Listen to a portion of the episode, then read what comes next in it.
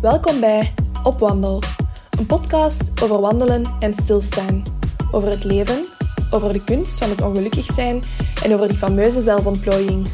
Mijn naam is Doreen en ik verlies mezelf meer dan soms in al die plooien. Maar wanneer ik mijn schoenen aantrek en de deur uitga, kom ik vanzelf terug op het juiste pad. Met deze podcast wil ik je inspireren om hetzelfde te doen. Om door weer een wind, met jezelf of met anderen, op wandel te gaan.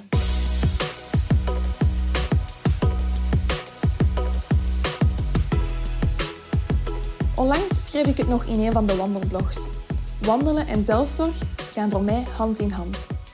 Ik geloof dat elke gewandelde kilometer gelijk staat aan een kilometer zelfzorg. Een kilometer dichter bij jezelf en een kilometer dichter bij de natuur. En als er één ding is dat we nodig hebben, dan is het dat. Die verbinding met onszelf, met anderen, met de natuur, de verbinding met alles om ons heen. En er zijn heel veel manieren waarop je die verbinding kan gaan terugvinden. Een van die dingen is leren zorgen voor de natuur. Leren begrijpen hoe de natuur werkt. Dan hebben we het ook heel vaak over klimaatopwarming, over schadelijke vliegtuigen, over de vleesindustrie, over uitstoot en over consumptie. Maar ook de kledingindustrie is daar een heel groot deel van. Een deel waar we misschien niet vaak bij stilstaan, net omdat het zo alledaags is voor ons. Maar de kledingindustrie heeft een ontzettend grote impact op het milieu. Een ontzettend grote impact op de levens van heel veel mensen en dus ook op onze groene wandelomgeving. En als we die wandelomgeving groen willen houden, dan moeten we over dat topic bewust gaan worden. Het is een topic waar ik al een tijdje mee bezig ben. Met vallen en opstaan, want het is echt niet makkelijk. En ik was op zoek naar iemand die me over het probleem kon komen vertellen zonder met het vingertje te wijzen. Iemand die op een heel nuchtere manier kon komen vertellen wat het probleem was. En die iemand heb ik gevonden in Eline Reinders. Zij blogt al enkele jaren over duurzame mode, maar ze beseft ook al te goed dat er de dag van vandaag veel druk op de schouders van de consumenten ligt. Onze winkelkar is eigenlijk een kluwen geworden van enerzijds bewustzijn en anderzijds schuldgevoel. Eline vertelt ons dat het oké is om nog te zoeken naar de juiste richting. Dat het oké is om nog niet alles te weten. Dat je niet perfect moet zijn. En dat is heel waardevol. We gingen op mini-bedevaartswandeling in de buurt van Scherpenheuvel in de Demerbroeken van Zichem. De Demerbroeken dat ligt in de Demervallei en het vormt de grens tussen de Kempen en het Hageland. Het is een gebied van bijna 2 kilometer breed en het is eigenlijk één groot moerasgebied. Door de kleiachtige bodem kan het water moeilijk wegcijpelen. Draai daarom dus zeker een goede wandelschoen of een laars, want naast wegzakken in de modder kan je ook wel eens wegzakken in de uitwerpselen van de loslopende Galloway-randeren. Maar kijk, ook dat hoort bij wandelen natuurlijk. Ik vroeg me trouwens af waarom het gebied de naam Demerbroeken kreeg. En voornamelijk wat het woord broeken wil zeggen. Blijkt dat een broek een ander woord of een synoniem is voor een laaggelegen gebied dat nat blijft en regelmatig overstroomt. De etymologie van het woord linkt aan het Duitse broeg, moeras, en het Engelse broek, beek. Eigenlijk is het dus gewoon een synoniem voor moeras. Voilà, dat weten we dan ook weer al. De toon is gezet voor een leerrijke aflevering. Veel luisterplezier!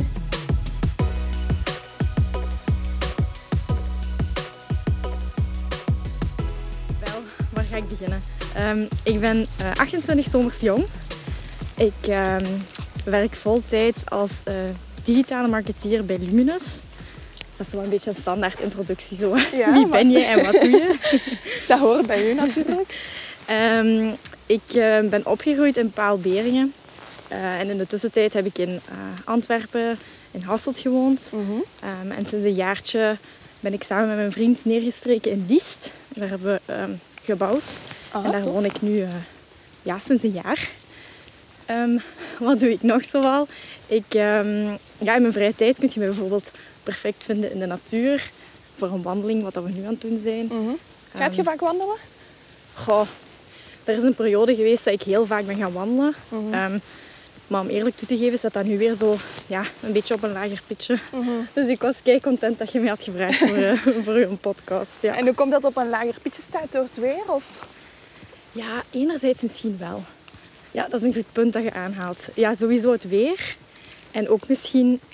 Het is wel best wel druk ja. op het werk. En, en ik heb ook een bijberoepje. Mm -hmm. um, natuurlijk ook ondertussen al vier jaar.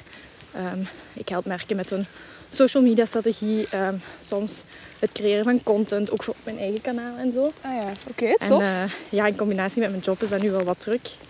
Ehm, dus ja, Ja, want je werkt fulltime, dus je doet dat dan eigenlijk in je vrije tijd tussen haakjes erbij. ja, ja, ja, klopt. En mijn vrije tijd is zo wat een beetje verdeeld. Dus enerzijds mijn bijberoep en, en bloggen op mijn eigen blog. Ehm, Mhm. En anderzijds ja, probeer ik dan tijd te vinden om te spenderen met mijn vriend, familie eh, en vriendinnen. Eh, maar ook om, om wat te sporten, omdat ik dat ook wel belangrijk vind. Ja, Dus. dus je hebt eigenlijk een super drukke agenda, als ik het zo hoor. Ja, misschien wel, maar ik heb dat wel nodig. ja, om to keep you going. Ja, ja, ik doe dat wel graag. Zo veel, veel dingen. En soms moet ik misschien wel leren om een uur mezelf in de zetel te zetten en gewoon even niks te doen. Ja, Want dat is ook fijn. Of om een bad te nemen. ja. ook- dat is zalig, hè? Ja, daar geniet ik echt van. Maar ja, ik hou wel wat van drukte. Ja. Ja. En ja, je zegt je eigen blog. Ehm, vertel daar eens over. Wat, wat, wat doet je precies? Goh. Ja, misschien zal ik daar ook helemaal beginnen bij het begin. Want ja, we hebben toch nog wel wat kilometers voor de boeg. Ja, het is eh 8,5. Ah ja, top. Dus het is eh, een pakje in, allee, korter dan onze eerste. ja, dat was wandeling. 12 kilometer ja, zo, ja. denk ik. Nu, ik ging die ook wel inkorten, eh, maar dan Ja. inderdaad was die blijkbaar te druk. Ja. En nu zijn we dus in de Demerbroeken, Yes. ter hoogte van Zichem. Ja, ik ben hier ook echt... Jij bent hier ook nog nooit geweest, hè? Nee, ik ben hier nog niet geweest. En ik vind het al spijtig als ik het zo zie op het eerste zicht. Ja, het is tof wel.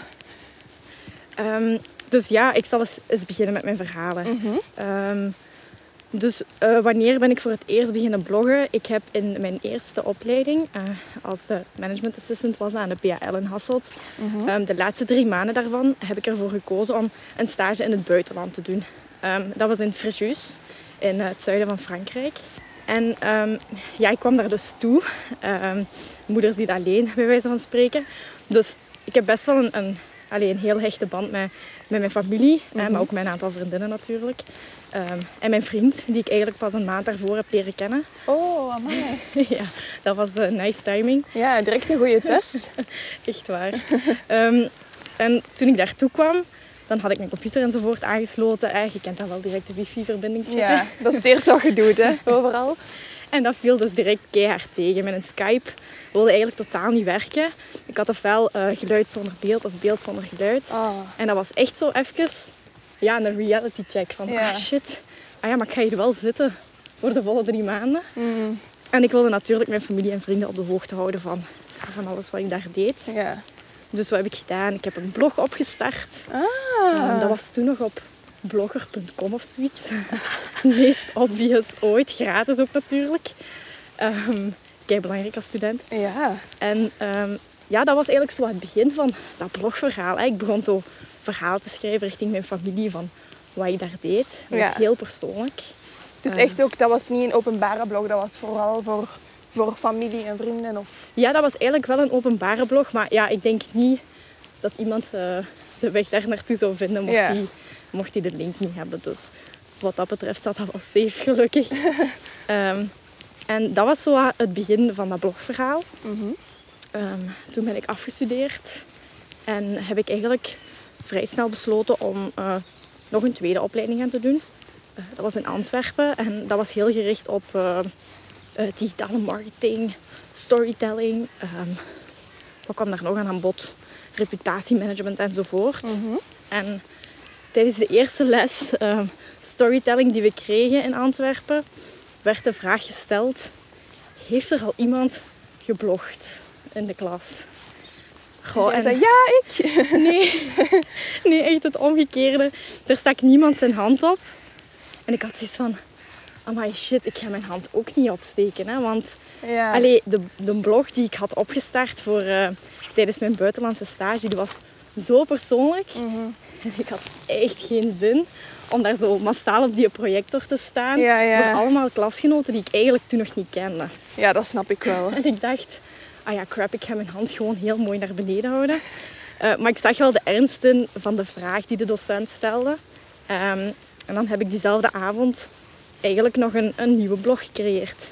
Ah ja. Ja, Amai. puur eh, voor het eh, verbeteren van mijn schrijfstijl eigenlijk. En zo wat, ja, om storytelling technieken wat, wat onder de knie te krijgen. Mhm. En ehm, ja, dat is dan een beetje uit de hand gelopen. Hè. Zeven jaar later blog ik nog altijd. Het is eigenlijk zo wat getransformeerd van een uh, social media blog ehm, naar een lifestyle blog, um, een, een, mode- en een beauty blog. En dan sinds een drietal jaren, sinds een drietal jaren blog ik eigenlijk voornamelijk over uh, bewust consumeren, duurzame mode en de topics die, die daar zo wat mee te maken Ja. hebben. Amai, dus je hebt wel een hele reis doorgemaakt eigenlijk met je blog. Ja, best wel een transformatie en zo niet, niet heel bewust langs de ene kant. Hè. Dus eigenlijk is dat zo een beetje meegeëvalueerd naar, naar wie ik ben en eh, naar welke onderwerpen dat mij eigenlijk dagelijks bezighouden. Ja. En wat was het eerste onderwerp dat je had genomen? Op mijn blog, Ja. dat was eigenlijk puur gelinkt aan mijn, mijn opleiding. Dus ik schreef over sociale media, over ehm, Ah ja. ja. online marketing enzovoort. Oké. Dat Maar is trouwens niet meer vindbaar. Nee? Nee, ik heb Ah, allemaal gewist. dat was confronterend. Ja? Ja, toch wel. Maar voor je leerkracht was dat wel goed waarschijnlijk. Of heeft hij dat niet meer gezien? Volgens mij heeft hij dat nooit gezien. Mm. Ik heb dat denk ik echt als een tip opgenomen. Iets wat ik ja, aan de zijkant zo wat kon doen. Ja. eh, voor, voor gewoon mijn technieken voor opdrachten en zo te verbeteren. Mhm. Ja, de, de, de docent is trouwens Guido Everaert. Hij is een vrij bekende columnist ook. Ja. Ehm, hij heeft ook een boek geschreven trouwens over storytelling. Maar nee, ik denk dat Guido nu wel weet van mijn blog. Ja, maar toen... Maar toen niet. Mhm. Ja, ik ben op dat vlak zo wel iemand die eerst zelf wat aftast en Ja. alvorens ik dat naar de buitenwereld ga toeschrijven. Of zo. Beetje bescheiden. Ja, misschien wel. en misschien ook wel wat bewust van eerst zien en dan. Ja, dat het goed is voor u. Ja. Oké, en dan van social media naar... Eh, van social media naar een, een, een lifestyle blog en zo geleidelijk aan ook over ehm, ja, mode en beauty topics eigenlijk. Mhm. Ik denk dat ik zo wat de, het stramien volgde wat dat je in een, in een magazine kunt vinden. Ja. Ehm, ja, en zo zijn er nu vandaag natuurlijk nog heel veel hè, van die typische mode- en beautyblog, beautyblogs, Mhm. beter gezegd. Ehm, maar ja, daar had ik het na een tijdje wel gezien. Ja. Want eigenlijk gezegd mode- en beautyblog. We gaan het ehm, dadelijk hebben over inderdaad duurzame mode. Mhm. Maar blogde je dan in die tijd ook over mode die niet duurzaam was? Ah, wel, ehm, dat is eigenlijk heel, heel onbewust geweest. Want ehm, ik weet nog heel goed, de eerste keer dat ik iets schreef over een, een al duurzaam merk, dat was eigenlijk over ehm Ellen Knits, Ah ja. het breimerk van Ellen Kegels. Mhm. En ehm, ja, waarom dat, dat zo was? Ik had tijdens mijn eerste job bij cre- eh, creatief eh, PR-bureau Marnix Ellie heb ik Ellen leren kennen. Ja. En het verhaal daarachter, dat vond ik echt super inspirerend. Zo'n verhalen, dat, dat triggert mij altijd wel. Ehm, en zij geeft, eh, om een lang verhaal kort te maken, zij geeft eh, ja, een eerlijk loon en werk aan eh, meer dan 300 Peruviaanse vrouwen. Ja. Dus eigenlijk in het land waar dat zij haar grondstoffen haalt, ehm, waar dat haar kleding wordt gemaakt. Want dat is van eh alpaca's zeker, hè? Ja, juist. Dus de wol of, de, of het haar of de vacht van alpaca's in kleding. Ja, klopt. En het feit dat ze daar ja, die mensen, die jonge vrouwen eigenlijk, ehm, een eerlijk loon geeft. En dat is ook met een, met een organisatie, Solid International, Mhm. ehm, als ik me niet vergis. Ja, dat vond ik wel knap, zo van dat je ook op sociaal vlak impact kunt hebben. ehm, ook al is dat dan niet in eigen land. Ja.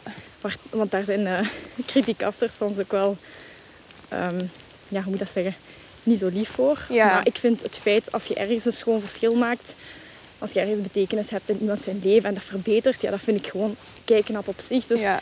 daar blogde ik toen dan wel over. Mhm. Zonder te denken van, toen, hoe zit dat met die andere merken waarover ik schrijf? Ja. Want dat is zo wel op een gegeven moment een kantelpunt geweest. Ja. Ja. Wat was dat kantelpunt? Ehm, heel concreet was dat kantelpunt eigenlijk een documentaire die ik heb gezien. Ehm, The True Cost heet die. Ja. Die is best wel bekend ondertussen ook. Ja, het was toen dat we allee, belden om over de podcast te praten. Zei ik het ook van ja, ah, dat topic dat ligt me toch wel nauw aan mijn hart. Want na die documentaire heb ik toch ook even zo'n reality check Ja. gekregen. Ehm, maar ja, vertel eens, wat, wat, wat zie je daar zo? Of wat, wat was voor u in die documentaire de trigger om te zeggen van oh shit, waar ben ik mee bezig?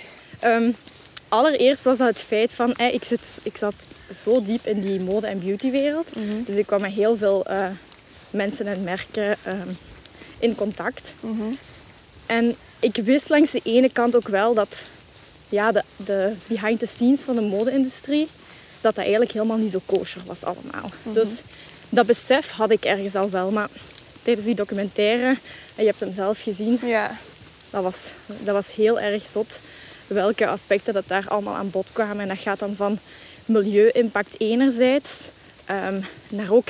Allee, wat dat mij vooral het meest heeft ehm, geraakt en gechoqueerd ook, is die menselijke impact daarvan. Mhm. Ehm, Ja. ja, dus dat, ja, er zijn echt tranen gevloeid hè, Ja. tijdens eh, die documentaire. Ook gewoon om te zien dat enerzijds kinderarbeid is echt niks van, van 20 jaar geleden. Dat is vandaag nog altijd ja, de realiteit. Mhm. Maar ook gewoon om te zien, ehm, dat is ook weer een heel bekend voorbeeld, die Rana Plaza fabriek. Die Ja. is ingestort In Bangladesh was dat zeker? in? Bangladesh. Ja. en daar zijn echt meer dan duizend vrouwen ehm, ja, te overlijden gekomen. Mhm.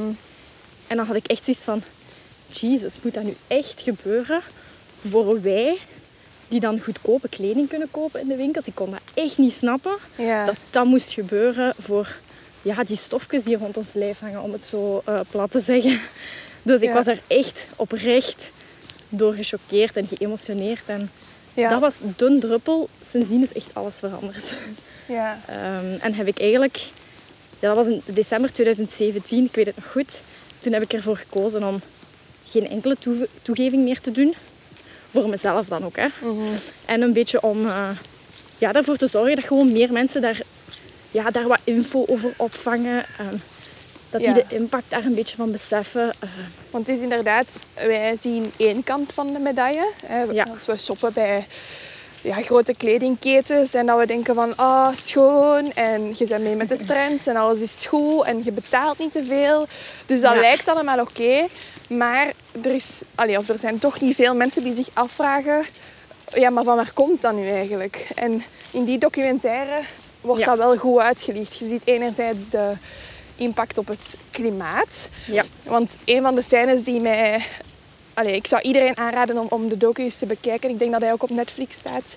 Stond, Stond. helaas. Ah. Ja. Dus nu kan je hem wel nog bekijken op, ze hebben een eigen website en daar kan je de film huren voor een paar euro's, denk ik. Dus ah ja, helaas. oké. Ja. Oké, maar zelf, het is zijn geld waard. Ja, just do it. Ja. Ehm, een scène, en ik, ik denk dat het een fabriek van Zara was in, ergens in Azië.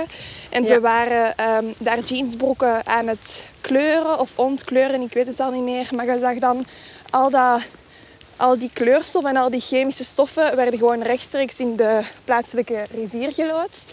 En Exact. Door die loodsing kwam er zo'n chemische reactie vrij. Dus dan had je allemaal schuim en zo op dat water. En Ja. dat ging gewoon rechtstreeks de dorpen in. Ja. En Dus- je moet goed weten, dat is ook dat, dat water waarop die eh, lokale gezinnen eigenlijk zich op baseren voor eh, drinkwater, water voor te koken. Allee, heel vaak wordt dat ook, allee, was dat wel een belangrijke bron. Dat Ja. gaat vandaag natuurlijk niet meer het geval zijn, maar ja, dat heeft impact zowel op eh, rechtstreeks op de natuur, zoals je zegt, Ja. maar ook keihard op die, die mensen hè, Ja. die daar wonen. Want dat was een andere scène, dat was een, een, dat was een gezin. En die woonde ergens in, de, in een heel afgelegen gebied met heel veel armoede. Ja. En zij was een van de dochters, die zelf ook al kinderen had ondertussen. En zij ging dan elke maand, denk ik, met de trein ehm, naar haar fabriek. Om daar voor een hongerloon te werken. Maar toch Ja. op die manier betekende ze iets voor haar familie. Ja. En ze was niet alleen, hè. dat was met duizenden op een boot. Dat die naar die fabriek gingen. klopt. Eh, dus toen dacht ik echt, alleen misschien heeft zij wel mijn t-shirtje gestikt. Ja, en dat is, dat is eigenlijk goed dat je, daar zo, dat je dat zo letterlijk neemt. Ja, Eh, en dat je daar echt gewoon bewust over nadenkt van Ja. hey, mijn t-shirt of mijn jeansbroek of mijn schoenen kunnen daar wel eens gemaakt worden. En de mensen die daar aan de bron staan van dat maken, ja, die doen dat puur. Allee, of toch meestal, ik wil ook niet veralgemenen, maar die doen dat wel om te overleven. ja, En meestal ook echt om hun gezin te kunnen onderhouden. Dus dan gaat het nog niet eens over extra luxe of extra middelen om dingen te doen. Dan Nee. gaat het echt om overleven. En allee, to be honest, dat is iets wat wij niet kennen. hè. nee, nee. Dat is voor ons een, eigenlijk een luxe product. En voor hen is het om in basis Ja. mee te... Inderdaad. Ja, en dus inderdaad, we hebben dat menselijke, die impact op dat menselijke, maar ook op het klimaat. Hè. Wat zijn Ja. zo de... Allee, wat zijn de dingen waar dat de consument zich eigenlijk bewust van zou moeten zijn? Ja. Ehm, ik las onlangs nog iets mega confronterend. Hè. Ook zo wel wat, wat cijfertjes. Ik heb dat wel graag. Mhm. Ehm, naar het schijnt is de kledingindustrie...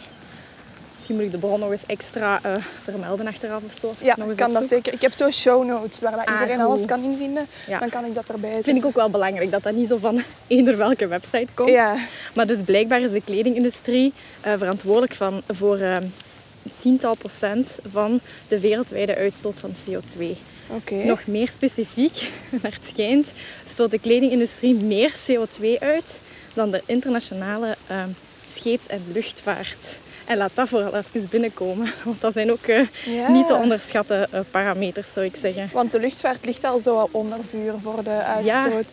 Ja, absoluut. En daar worden wij ook wel zo'n beetje op gewezen. Ja. Ehm, door, het, allee, door het feit van, ah, beperk toch uw vluchten en denk er eens over na wat dat je doet. Maar uiteraard is er nog een aspect waar dat consumenten niet bij komen kijken. En dat is echt zo de, ja, de commerciële scheeps- en, en luchtvaart natuurlijk. Hè. Ja, ja. Die ook enorm is trouwens. Dus ja, de kledingindustrie, best wel eh, een impactvolle bron van, ja, van, van vervuiling, van Ja. mensonterering ook een beetje. Dus er zijn echt zo wel wat twee grote groepen. Hè. Enerzijds de impact op mens, anderzijds de impact op, eh, op milieu. Dus dat is één cijfer van die, dat percentage van die uitstoot. Zijn er zo nog dingen? Ja, ehm, wat dat veel mensen ook niet... Allee, en ik ook, hè, eh, Doreen. Dat is niet iets waar dat ik eh, direct bij stilstond toen ik aan duurzame mode dacht. Of Ja. allee, daarover begon op te zoeken. Dat is het feit dat daar enorm veel grondstoffen voor nodig zijn. En dat verklaart dan ook die, die CO2-uitstoot. Maar anderzijds is ook het gebruik van water hè, voor onze kleding is echt enorm. Ehm, en ja, dat zorgt er eigenlijk voor dat sommige waterbronnen worden uitgeput. Ehm, of dat er ehm, ja, lokale verontreiniging ontstaat, zoals je daarnet al zei. Dus ja, dat zijn nog zo van die concrete dingen ehm, waarbij dat de ja, kleding impact heeft op, eh, op onze leefomgeving. Hè. Ja. Die, die grondstoffen die ook zo belangrijk zijn voor andere dingen gewoon. Ja, ja. Ja. En, want eigenlijk het grote probleem misschien binnen die kledingsindustrie, en dat is een term die de laatste jaren eh, wel populairder wordt, of bekender wordt tussen haakjes. Is fast fashion. Ja. Maar wat wil dat precies zeggen? Ja, fast fashion, het woord zegt het eigenlijk al een beetje zelf. Hè. Dat is letterlijk vertaald snelle mode. En ehm, snelle mode is iets wat het de afgelopen, ik denk ongeveer ja, 50, 60 jaar, ehm, exponentieel is, heeft toegenomen. Ehm, en dat is enerzijds te wijten aan het feit dat er ja, heel veel modeketens zijn die ja, heel veel kledij willen produceren. Eh, waarom willen ze dat eh, produceren? Dat hebben ze eigenlijk ook zelf een beetje ja, in de hand gemaakt door het feit dat wij als consument ehm, heel veel dingen ook gewoon willen. Ja. En ik denk dat je dat zelf ook wel voelt, ehm, of de afgelopen 20 jaar hebt gevoeld, ehm, als je magazines leest, als je je op het internet begeeft. Heel vaak gaat dat echt over je, hoe moet ik het zeggen, een bepaald ja, schuldgevoel aanpraten van allee, maar je wilt toch mee zijn met de mode? Ja, En ja. voel je je goed. En als je dingen draagt, eh, voelt je je goed. Hè? Kleding maakt de man, gelijk ze zeggen. Ik ga hier even, sorry dat ik je onderbreek, maar Nee, het is no zo mooi dat ik een foto ga pakken. Je hebt helemaal gelijk. Nee, maar goede reminder. Ik moet meer rondom mij kijken als ik vertel. Ja, wel, dat is dus een moeilijke wel, hè. Want ehm, Serieus, echt mijn, ja, waar. mijn vriend zegt dat ook. Hij wandelt graag, maar... Ja. ehm, wacht, ik ga terug langs die, langs die kant komen. Hij wandelt graag, maar hij zegt ook van ja... Ik ben de hele tijd bezig met naar de grond te kijken en ik zie de omgeving niet. Nee, maar dat is iets waar je op moet oefenen en jezelf zo moet opwijzen van, ah ja, shit, ik moet op naar kijken. Ja, ja, zeker. En effectief rond u, als in links, rechts, maar ook boven, achter u. Allee, Ja, ja, er is zoveel moois om Ja. te zien. meestal, zo, als ik afzonderlijk van een podcast ga wandelen, dat is natuurlijk de eerste keer dat ik dit doe, Ja. eh, dan heb ik altijd wel vaak, en dat is misschien zo een tegenhanger, heb ik veel te vaak mijn gsm in de hand. Snap je? Ja. Dat ik zoiets te veel mooie foto's ga proberen nemen. En dat is niet met een specifiek doel of zo, maar dat is gewoon als herinnering voor mezelf. En Ja, en ook, ehm, ik heb, ik heb altijd zo mijn wandelapps en zo op mijn gsm staan. Ah ja. ja. Waardoor dat ik dat ook heel de tijd in mijn hand heb. Maar ik ben dus nu aan het kijken naar zo een horloge dat zo de richting zou aangeven. Ah, Want dat is dan al een, een manier om minder op je gsm te zitten. Of nu heb ik de knooppunten op een bladje geschreven. Ja, dat is kei oldschool. Ja, zodat ik niet op mijn gsm moet zitten. Dus. Dat is ook een goeie. ja. Maar dus, sorry, ik, was, ik had je onderbroken. Nee, helemaal niet erg. Ehm, we waren bezig over fast fashion, Ja, denk ik. En, yes. en de redenen daarvoor. Ehm, Inderdaad, dat we dat gevoel eigenlijk, dat dat, Ja. die verkopen ons een gevoel van, je hebt dat nodig. je hebt dat nodig. En wat er dan gebeurt is, ja, opeens wordt de vraag groter natuurlijk. Ehm, en gaan ze zorgen voor een veel te groot aanbod, eh, tussen haakjes. En wat dat er eigenlijk de afgelopen jaren is gebeurd, is dat kleding is geen praktisch goed meer gelijk het vroeger was. En Denk maar bij je grootouders, die gaan geen eh, mega uitgebreide kledingkast meestal hebben gehad. Dat Nee. was heel gericht op ja, praktisch. Oké, dat zal ook wel, allee, ze zullen dat ook wel mooi hebben willen vinden. Maar ehm, allee, daar werd ook kleding hersteld. Kleding zelf gemaakt. Ja. Als ik naar mijn eigen oma kijk, ehm, is dat ook zo het geval.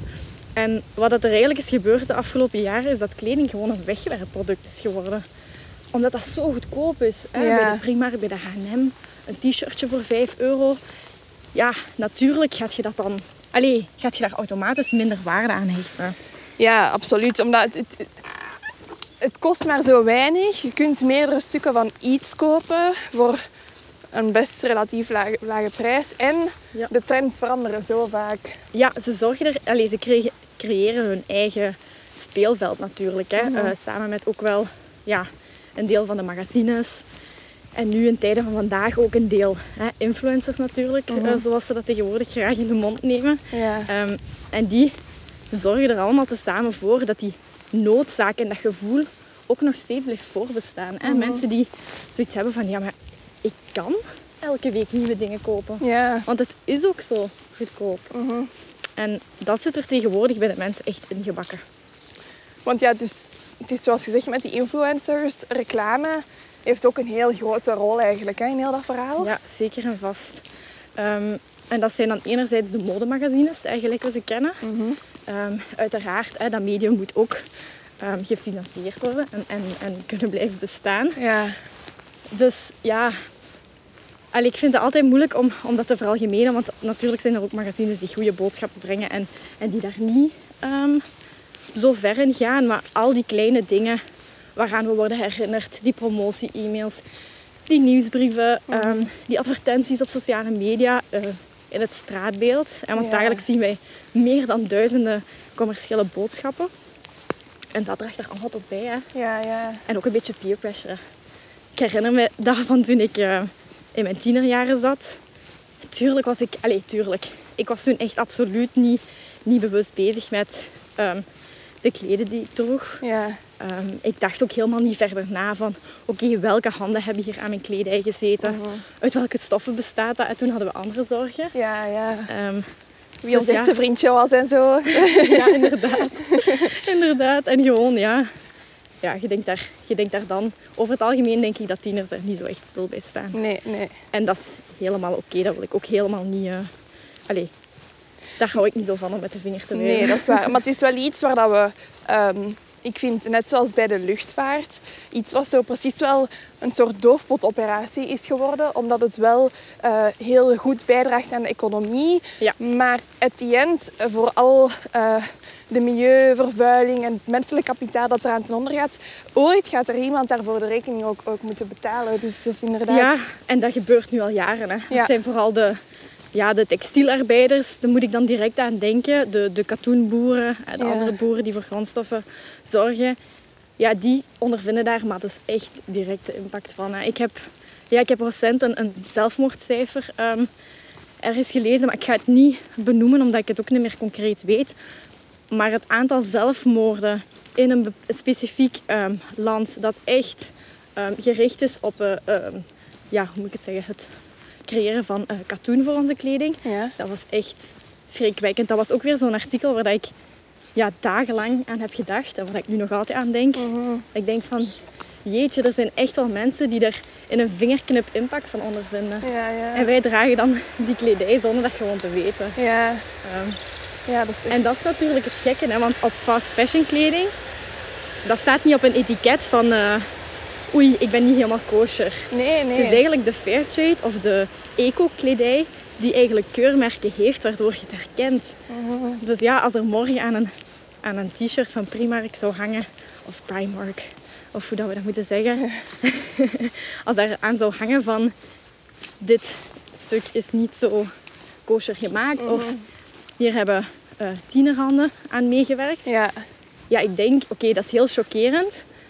Maar op die manier maak je de mensen daar ook wel even rechtstreeks bewust van. ja, ja. Waarmee Van, ik dan weer shit. niet wil zeggen dat, allee, dat we allemaal opeens alles duurzaam moeten kopen. Ik ben ook ver van perfect trouwens. Allee, Mhm. Op kledingvlak is dat echt mijn doel. Ja, Maar ik ben bijvoorbeeld ook geen, ik ben geen veganist. Ik leef niet helemaal plastic, maar plastic dat vrij. kan, dat kan ook Dat aan. Ja, ja.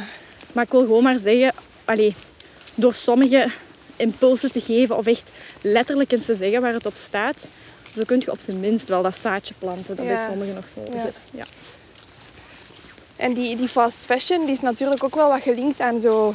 Inderdaad, vooral bij de vrouwen vind ik. Want dat is een probleem waar ik zelf keihard op bots. Is, allee, je, je koopt net nog maar een zomerrokje en de winterjassen hangen al in de winkel. En eh, elke week nieuwe collecties en eh, uitverkoop. Omdat ze eigenlijk met hun overstok zitten dat weg moet.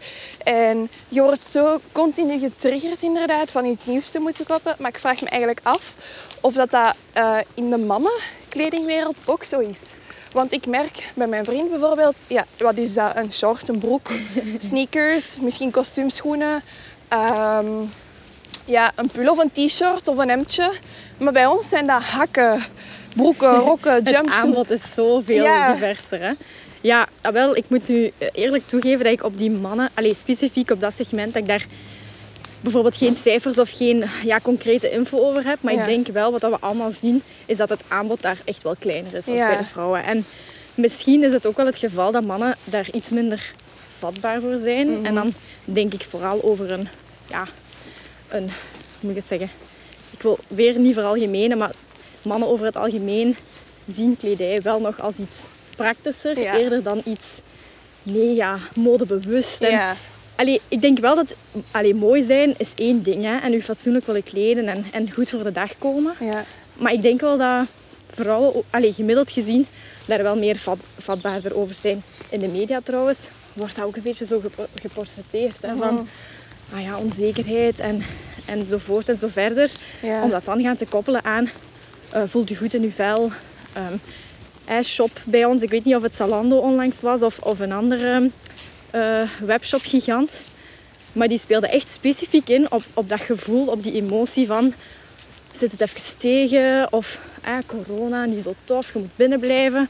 Ah, maar je hebt hier een webwinkel vol Ah. items, dus laat je gaan. Eh, 10% korting, alsjeblieft. Ja, oké. Dat is ook weer zoiets wat dat dan meer triggert. Ja. En dat is meestal dan wel eerder op vrouwen gericht, heb ik het gevoel. Ja. Dus op dat vlak zouden we eens naar de mannen moeten kijken en een voorbeeld nemen aan hun. Ja, misschien wel. misschien wel. Ja. Ja, als ik naar mijn vriend kijk, die is ook, eh, allee, die is ook bewust bezig in de, de, allee, met de keuzes die hij maakt voor zijn kledingkast. Maar inderdaad, ik zou soms beter eens een voorbeeld nemen. Ja. Het is makkelijker voor hen ook om keuzes te maken misschien. Ja, ik denk, ik denk dat misschien ergens wel. Ja, Ik ben, ik ben me ook bewust dat er wel mannen naar de podcast gaan luisteren. ja, ja en die wil ik niet, allee, ik wil zo niet veralgemenen, snap je? Ja, ja, tuurlijk. Ja, ja. Dus eh, laat ons gerust weten Hoe het is we helemaal man. mis zijn. Ja. en eh, hoe ziet uw kleerkast er zelf uit?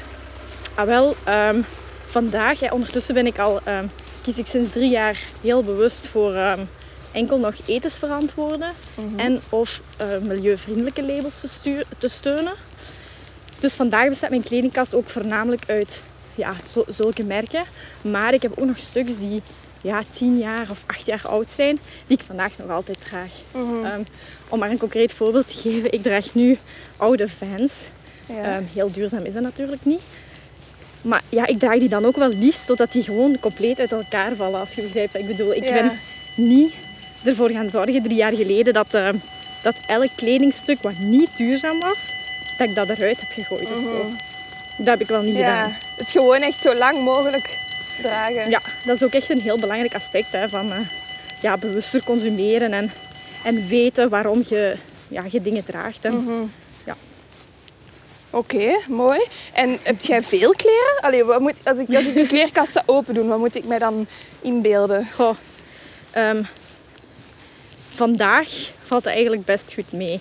Ehm, ik weet dat ik toen ik van ehm, Hasselt even naar mijn ouders ben verhuisd eh, tijdens onze bouw van de woning, heb ik 100 kledingstuks, oeps, 100 kledingstuks ehm, verkocht of uitgedeeld aan, aan vriendinnen. Amai. En dat heeft er eigenlijk wel, dat was eigenlijk een heel goed moment. Ehm, dat heeft er ook wel voor gezorgd dat ik enerzijds hè, een paar centjes had voor nieuwe duurzame dingen aan te kopen die ik effectief nodig had. Dat blijft ook wel heel belangrijk. Ehm, en anderzijds had ik zoiets van, ja, het is tijd om mijn kledingkast een beetje af te slanken, want ik heb helemaal niet zoveel nodig. Er zijn ook maar ja, zeven dagen in een week. Ja, ja, ja dat is Dus waar. ehm, ik dacht van ja, dat is het ideale moment om even af te slanken. En vandaag, ja, ik kan er zo geen cijfer op plakken, maar ja, veel kleding. Wat is veel kleding doorheen? Help me. Ja, ik, ja ik, maar ik kan me inbeelden dat dat bij u best meevalt. Hè? Maar ik denk veel kleding is dat het er, als je kast open doet en dat het eruit valt. Zo. Ah nee, dat is wel niet het geval. Nee, zo. ja. Ik probeer ook daar wel zo'n beetje structuur in te, in te krijgen. En ook gewoon om in één oogopslag te kunnen zien van oké, wat heb ik en wat ontbreekt er nog? Ja. Ehm, Ja. Of wat ontbreekt er niet. Hè? Wees gewoon gelukkig met, met wat je hebt. Maar ja, dat probeer ik toch echt wel in één oogopslag te kunnen zien. Ja. Want er bestaan ook zo... eh, allee, ik ben zelf een tijd be- veel bezig geweest met minimalisme en Ja. ontspullen. En dan heb je zo de 333 Project, denk ik. Of de 33. Dat je Yes. 33 stukken hebt. Ja. En daarmee eigenlijk een jaar of zo altijd outfits kunt maken. Dat is eigenlijk, dat noemen ze ook nog wel eens de, de capsule Ja. eh, kledingkast Ja. of de capsule wardrobe. En dat heb ik zelf ook gedurende eh, twee maanden geprobeerd. En? Eh, ook gewoon om mezelf weer zo uit te dagen en iets nieuw te leren kennen. En ik vond dat eigenlijk echt de max. Ja? Wat gebeurt er dus ochtends? Je hebt natuurlijk een veel minder grote kledingkast om uit te kiezen. Mhm. Waardoor je veel makkelijker keuzes kunt maken.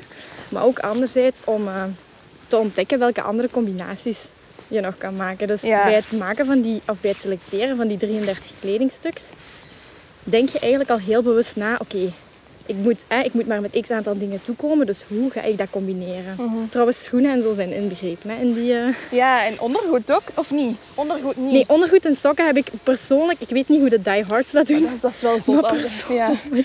heb ik dat niet gedaan. Trouwens, ondergoed, dat gaat niet. Nee, inderdaad. Dan zit je al aan. Dan moet je elke dag wassen. Of dan moet je elke dag wassen, Ja. ja. Nee, dat, nee, dat doe ik ook niet. dat is ook weer zo, enerzijds, eh, ja, een bewust iets dat je niet elke dag wast. Ja. Anderzijds, het is veel te veel strijken, Doreen. Mhm. Allee, Ja, echt. Nee hoor, dank Strijk is u. verschrikkelijk. Nee, maar dus die capsule wardrobe, dat zou ik eigenlijk aan iedereen willen aanraden. Ook zij die vandaag helemaal nog niet bewust of duurzaam kopen. Want dat is echt een manier om even stil te staan bij wat je hebt en hoeveel je waarschijnlijk hebt. Eh, en ook om even na te denken en, en te beseffen gaandeweg van... Hé, maar hier kom ik wel gewoon mee toe. En ik kom eigenlijk niks tekort. Ehm dus dat is wel een hele leuke om, om uit te voeren. Ja. Ja. Want ik hoor u zeggen, hè, ik heb mijn kleren verkocht aan mijn vriendinnen. Ehm, of weggegeven. Of wat, wat, moet je, wat is de beste oplossing om te doen met kleren die je over hebt? Want ik heb ook al gehoord dat kleren die je ehm, in een kledingcontainer bijvoorbeeld achterlaat, dat daar niet zo'n toffe dingen mee gebeuren. Nee, dat komt eh, in de meeste gevallen niet zo goed terecht. Heel concreet, hè, wat dat er, ik weet niet exact wat dat er gebeurt. Hè. Ehm, Na het doneren aan een, aan een ja, hoe, hoe zeg je dat, zo'n kledingcontainer. Een deeltje komt terecht bij eh, kringloopwinkels uit Ja. de buurt of grote kringloopwinkels. Ehm, een ander deel, en dat is het probleem eigenlijk vandaag. Er is zoveel aanbod en zoveel ehm, kleding die mensen bezitten, dat er zelfs voor die kanalen een overvloed is aan kleding. Dus zelfs de kringloopwinkel weet begot niet wat, het, allee, wat dat ze daar nog niet kunnen doen. Ja. Dus om een lang verhaal kort te maken, dat belandt heel vaak ja, in derde wereldlanden, waar dat er echt specifiek stortplaatsen zijn voor kledij. Of dat wordt opgebrand. Eh, slechts een heel klein deel van wat jij in de kledingcontainer stopt, wordt effectief gerecycleerd.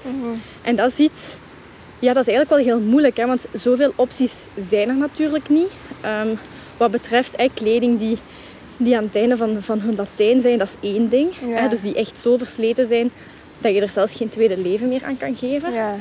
Maar anderzijds zou ik echt als tip meegeven van...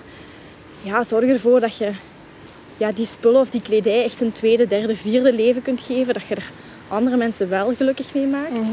Eh, maar van het moment dat je het ja, in de kledingcontainer gaat stoppen of... ehm, ja, dan weet je natuurlijk niet 100% wat ermee gebeurt natuurlijk. Ja. Dus, Het is dan echt buiten uw handen eigenlijk. ja. Ja. dus dan kun je beter ja, een manier vinden waarop je er ja, iemand uit je buurt dan toch nog gelukkig mee maakt. Is dat nu een vriendin? Is dat nu een, ja, een organisatie voor bijvoorbeeld eh kansarme mensen uit de buurt?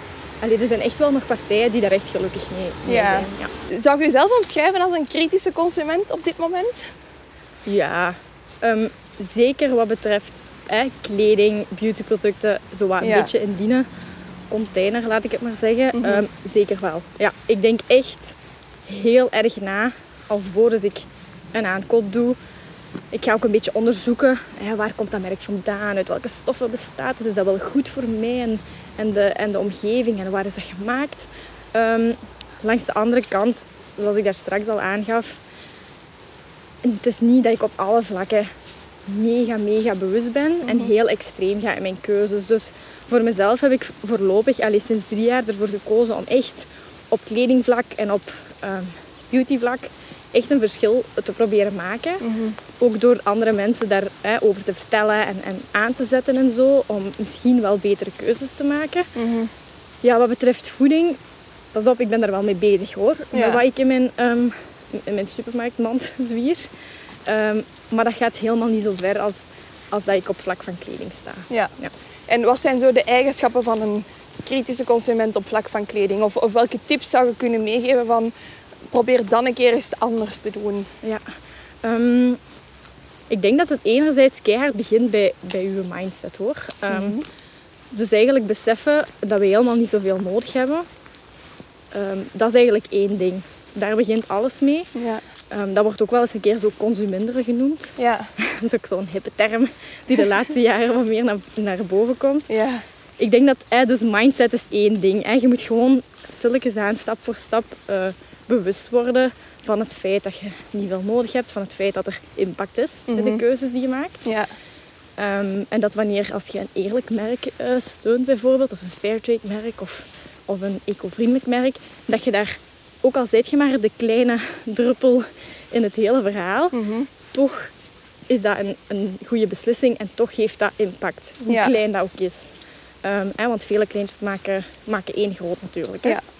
Dat is wat ze Ehm, zeggen ook. Van, eh, everything, everything you buy is a vote for the world you want to live in. Ja, dat is eigenlijk wel waar. En ik denk als je, als je van die quote of van die mindset een beetje uitgaat, dan ga je automatisch wel bij elke aankoop even stilstaan van oké, heb ik dit nodig en past dat bij mijn waarde eigenlijk? Want dat is ook weer een, een deeltje. Hè? Past dat bij wie ik ben, mijn waarde, eh, waar dat ik zelf achter sta? Ja. Misschien ook wel een leuk voorbeeld om te geven is bijvoorbeeld ehm, mensen die veganist zijn. Ja.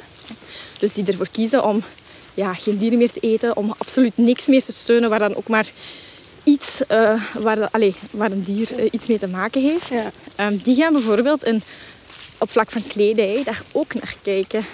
Eh, dus om maar te zeggen, ook Ja. weer, duurzaamheid is zo'n een containerbegrip en is voor iedereen anders. Hè. Dat wordt door iedereen anders gepercipieerd. En voor zij die vegan zijn, om maar een voorbeeld te geven, ja, uiteraard gaan die geen lederen tassen kopen en, en wol kopen. Dus zelfs al is dat eerst uit ja, voedingsovertuiging of, of uit een andere overtuiging, dat kan ook wel andere aspecten. ehm, ja. Het is echt een, Ja. een lifestyle meer. ja, dat wel. ja. En of ik nog andere tips heb? Goh. Ehm, Ja, als je iets koopt of zo, op, op wat moet je letten? Eh, Of bestaan er apps of websites die vertellen welk, allee, of dat een merk oké is of niet? Enerzijds, en dat- geef ik altijd mee, ehm, zeker omdat dat weer iets is wat niet te extreem is, hè, wat iedereen eigenlijk heel gemakkelijk kan doen. De volgende keer dat je in de winkel staat, en dat ga ik nu op kledingvlak toe, eh, toepassen, kijk dan eens gewoon een keer naar het etiket dat erin hangt. Want ja, in elk kledingstuk hangt een etiket, dat is Ja. zelfs verplicht. Ehm, en daar kan je dan gaan kijken naar bijvoorbeeld het type stof. Hè, is dat synthetisch, of is dat biokatoen, of is dat eh, lyocell, of is dat uh, baumwollen, ik weet het niet, ik zeg maar Ja. wat. En in welk productieland is dat gemaakt? Want dat moet er ook altijd op staan. Oké. En als je dan Bangladesh of China eh, of Turkije soms ook, want daar loopt het ook niet altijd even, even top. Mhm.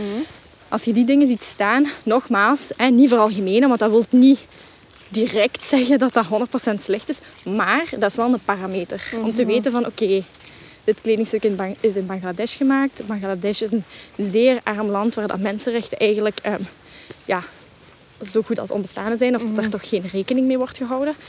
Dat is zo wat een eerste makkelijk ding. Iedereen komt in de winkel, iedereen pakt een kledingstuk vast. Ah wel, kijk dan eens een keer naar het etiket ook. Ja. Ehm, dat is zo één ding dat ik altijd meegeef. Niet alleen naar de prijs, maar ook naar de achtergrond. Zo, ja. inderdaad. Ook gewoon weer wat bewustzijn. Hè, van bijvoorbeeld de Zara, waar dat mijn vriendinnen en ik vroeger massaal, ehm, tot mijn grote spijt nu, eh, gingen shoppen. Ja, ik heb daar nooit naar dat etiket gekeken. Misschien hoogstens om te weten welke stof dat, dat was, maar dat was dan niet uit een enige overtuiging of zo. Ehm, maar dat is iets wat je heel makkelijk kunt doen. Hè. Ehm, wat kan je nog doen?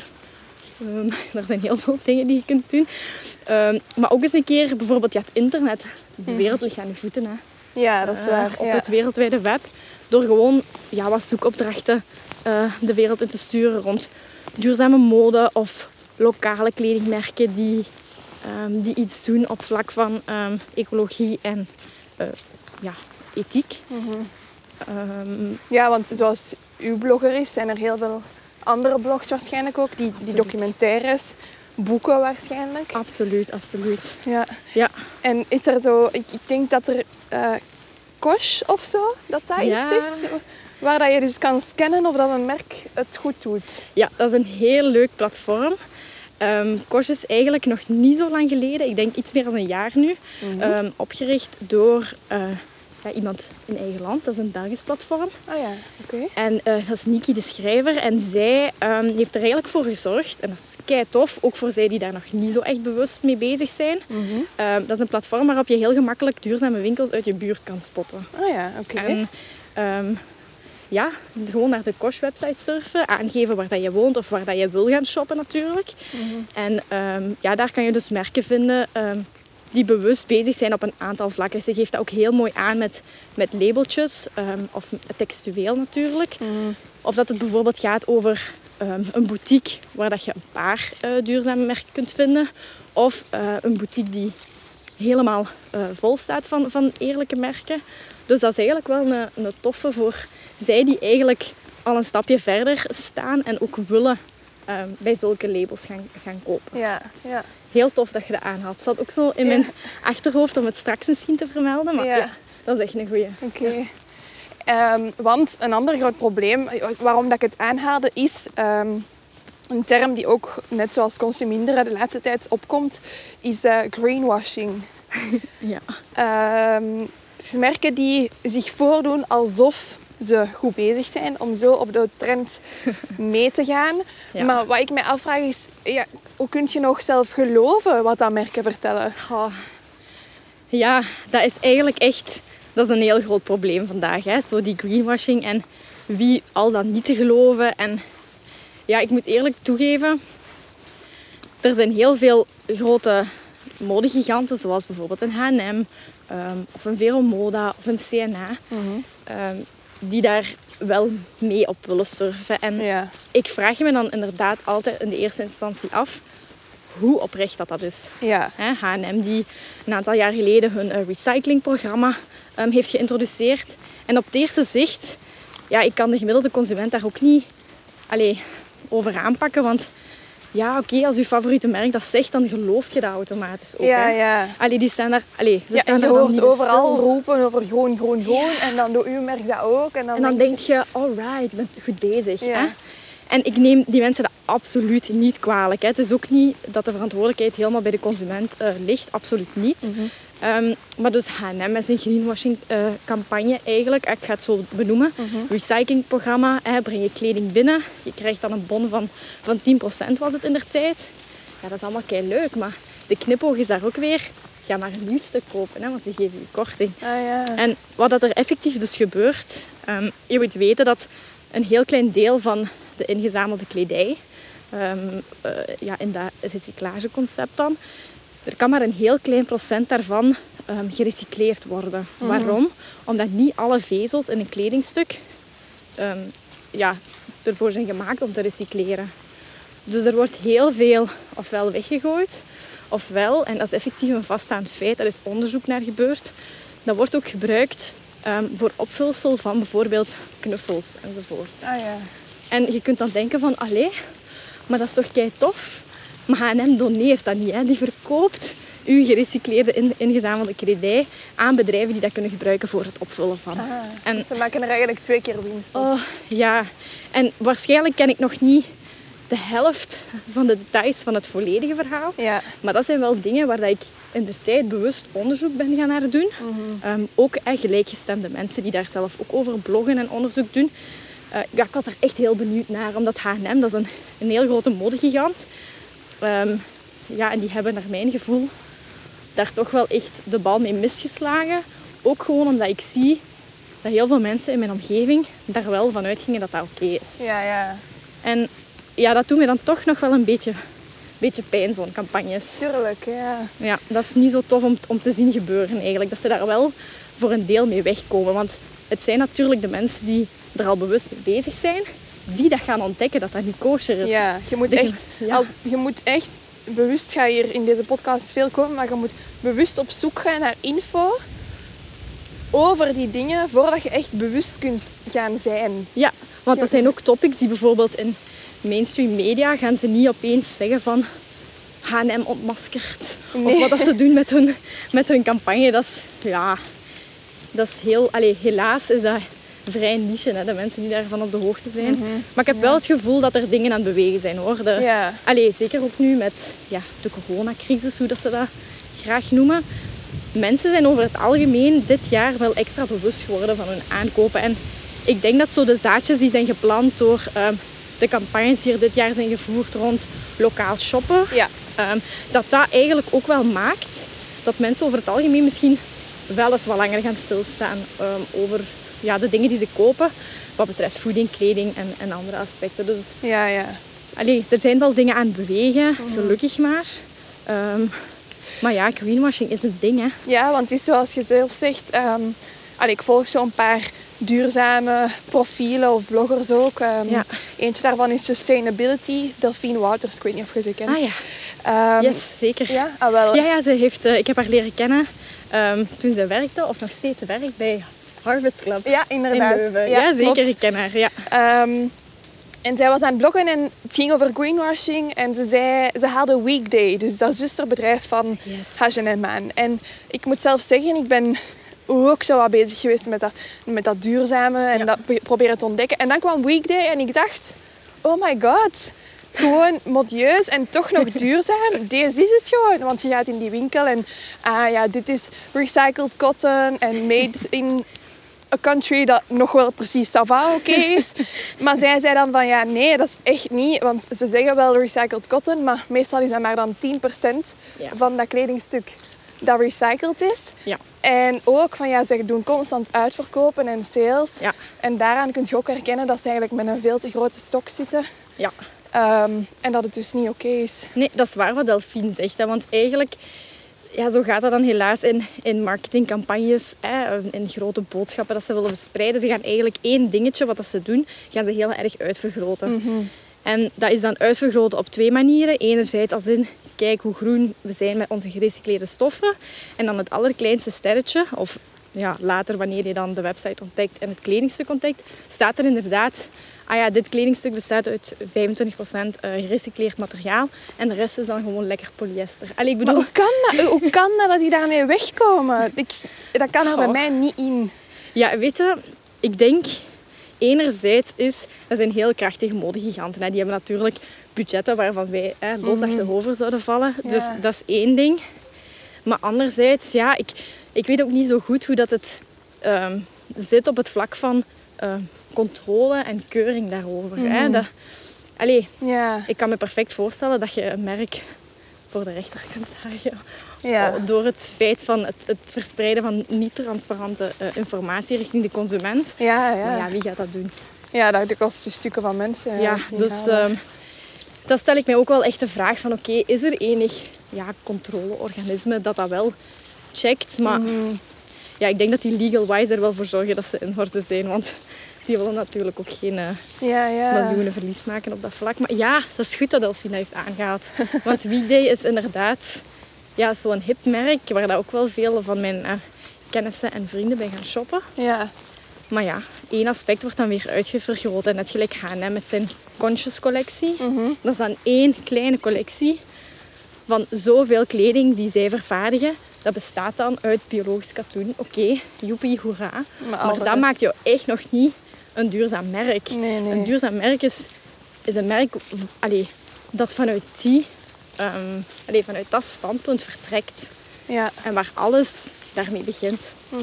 En oké, ik vind het goed. Allee, we mogen dat ook niet volledig afstraffen. Want door het feit dat zij over duurzaamheid praten, over groene kledij, over stoffen, wordt de consument er enerzijds zich ook wel weer een beetje van bewust. Ja, Hè, ja. dat dat bestaat. ja, dat is wel waar. Dus dat is, dat is een goed ding dat dat veroorzaakt. Maar langs de andere kant ehm, is zo'n verhaal gewoon niet waterdicht. Ja, maar je moet echt je ogen overal open houden om zeker te kunnen zijn. Want ik denk dat dat bij mij nu twee jaar geleden was of zo, dat ik ook die documentaire aan had gezien. Ja. Ook direct gezegd van oké, ik ga nu een jaar niet meer shoppen bij grote ketens. Dat is mij gelukt.